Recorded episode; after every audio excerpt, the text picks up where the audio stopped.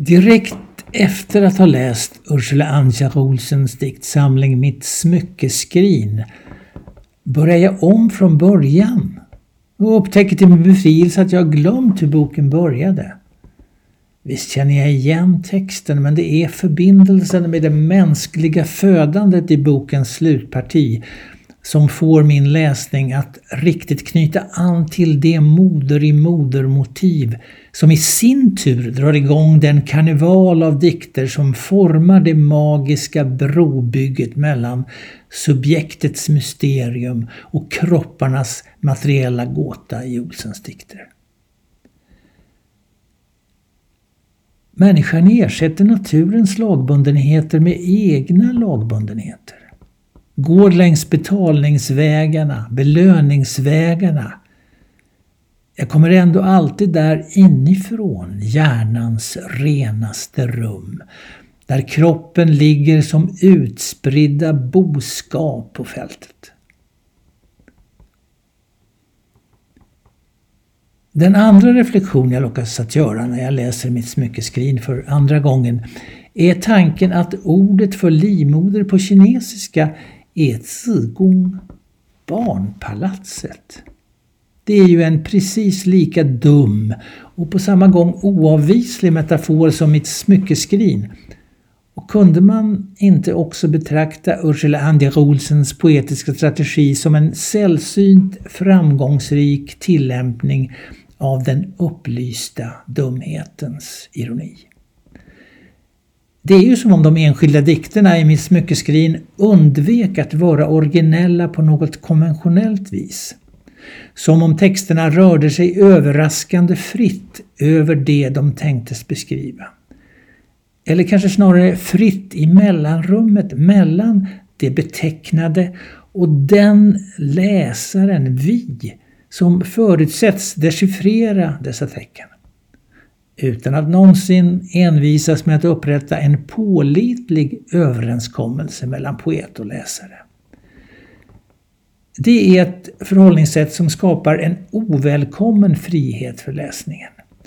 Man känner sig övergiven, påtvingad en frihet som det blir nödvändigt att ta i anspråk inte bara för att dikterna ska betyda något, utan för att man själv ska betyda något. Det räcker inte med att vara intelligent. Man måste släppa loss sin paradoxala dumhet. Det sätter läsningen i gungning. Jag vet inte riktigt varför jag vill säga läsningen istället för läsaren utan att det förefaller vara mer adekvat. Alltså gör läsningen ofrivilligt fri. Men hur går det till? Jag är benägen att tillskriva en väsentlig del av det pågående ifrågasättandet som en oregelbunden men återkommande vaggsångseffekt. Ancher skriver ofta i kedjor. En och samma verbfras upprepas men avslutas olika.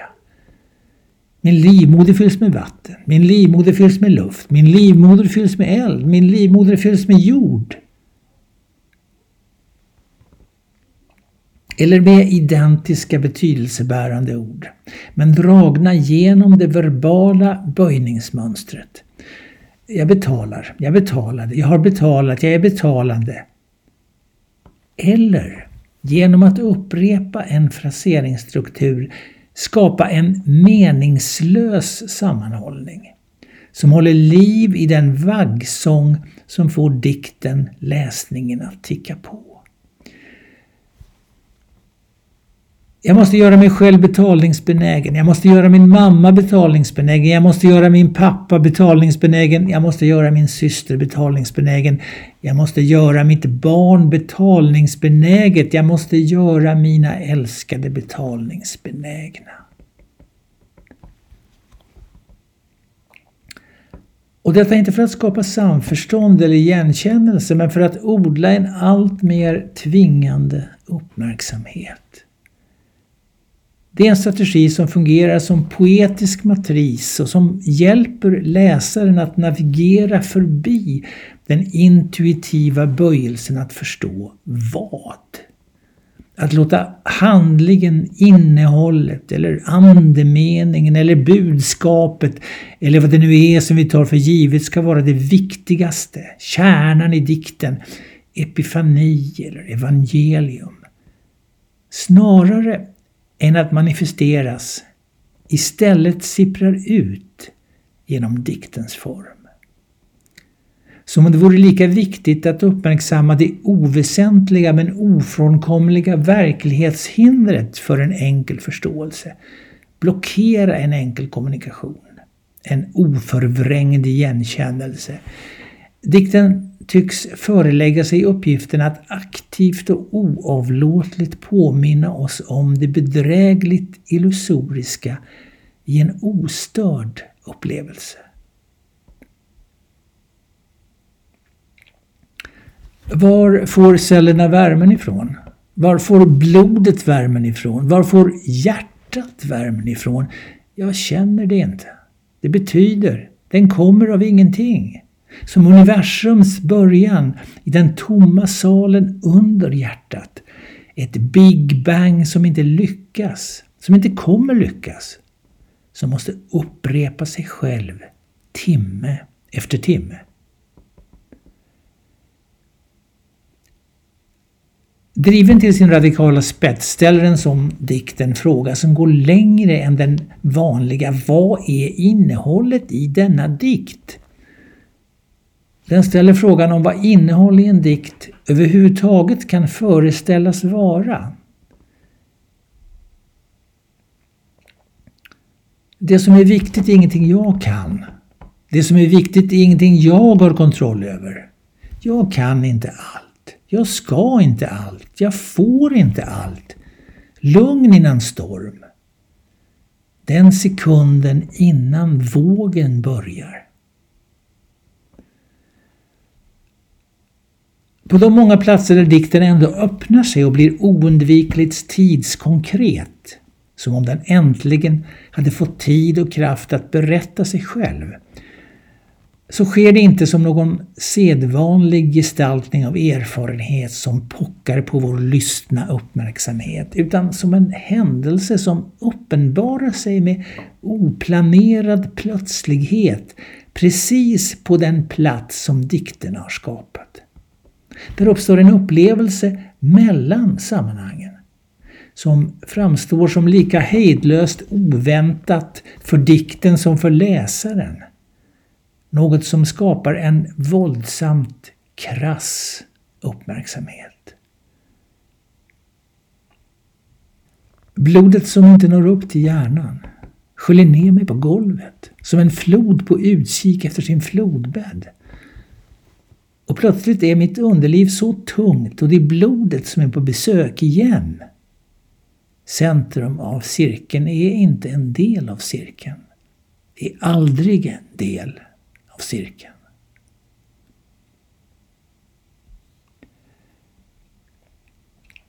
Det är den sortens oförfärade inbrytningar som skapar poesins bästa möjligheter att för ett ögonblick blända de abstraktioner med vilka vi tvingas begripa världen.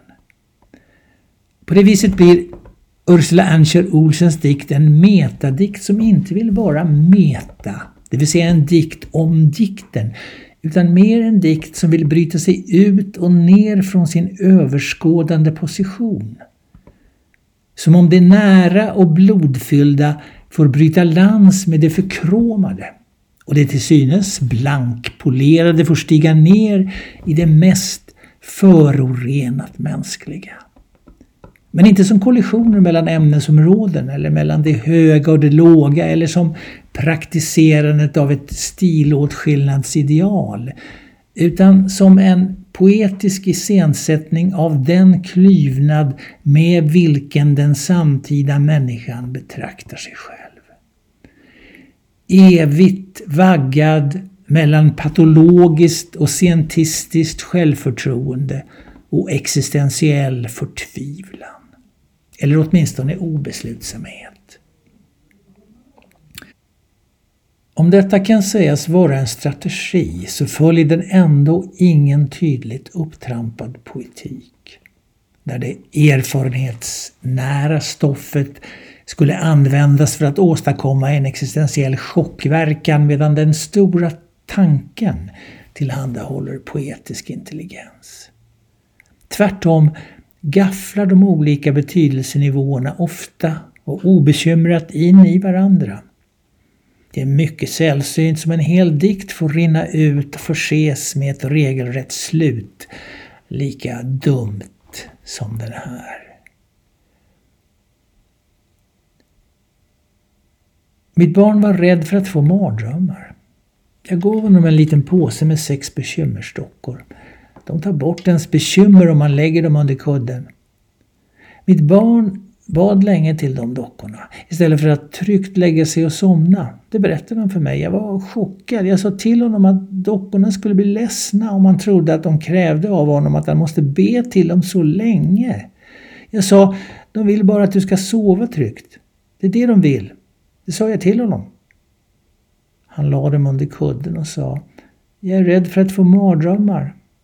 Jag vill att jag inte ska få mardrömmar. Sen sa han, ska jag inte säga mer då? Det känns som allt för lite. En tid senare berättar han, nu går det faktiskt mycket bättre. Och det hjälpte mycket. Jag har faktiskt en liten lista över saker som de hjälper mig med. 1. Inga mardrömmar. 2. Inga drömmar.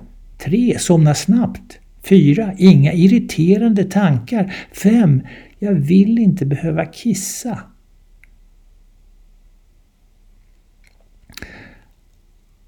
Också bland rubrikerna till de olika avdelningarna om diktsamlingen råder en ömsesidig, låtsasironisk oordning. 1. Bankfack. 2. Jag skickar in något i munstycket. 3. Utan att ha det guld som krävs. 4. Rustad för extas. 5. Ringbrynja hårnät. 6. Mitt smyckeskrin. 7. Grundsten. Den åttonde och sista avdelningen saknar rubrik.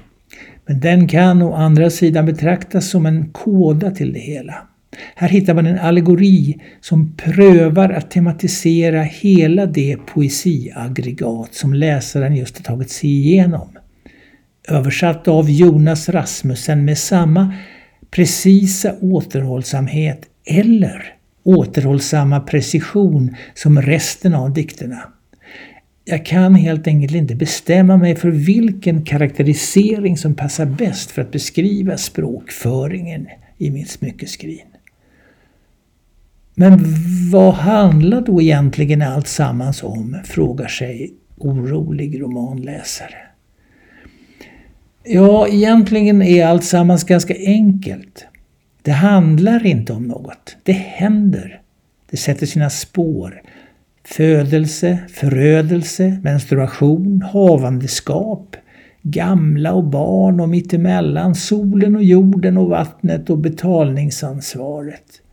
Allt inträffar i dikter som inte hunnit, velat, kunnat förses med vederbörligt signalsystem Strofer går över gatan utan att vänta på grönt.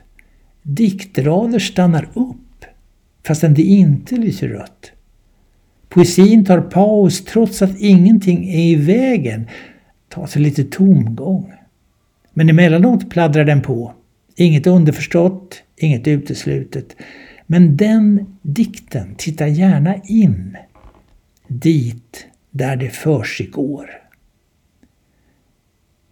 Hur som helst är det ett lika hälsosamt som själsförödande äventyr som väntar läsaren av Ulrika Ann Olsens reseberättelse bland de fyra elementen. Efter att jag började tänka med kroppen, efter att jag började tänka med jorden, efter att jag började tänka med luften, efter att jag började tänka med vattnet, efter att jag började tänka med elden. Solen har redan gått ned bakom huset.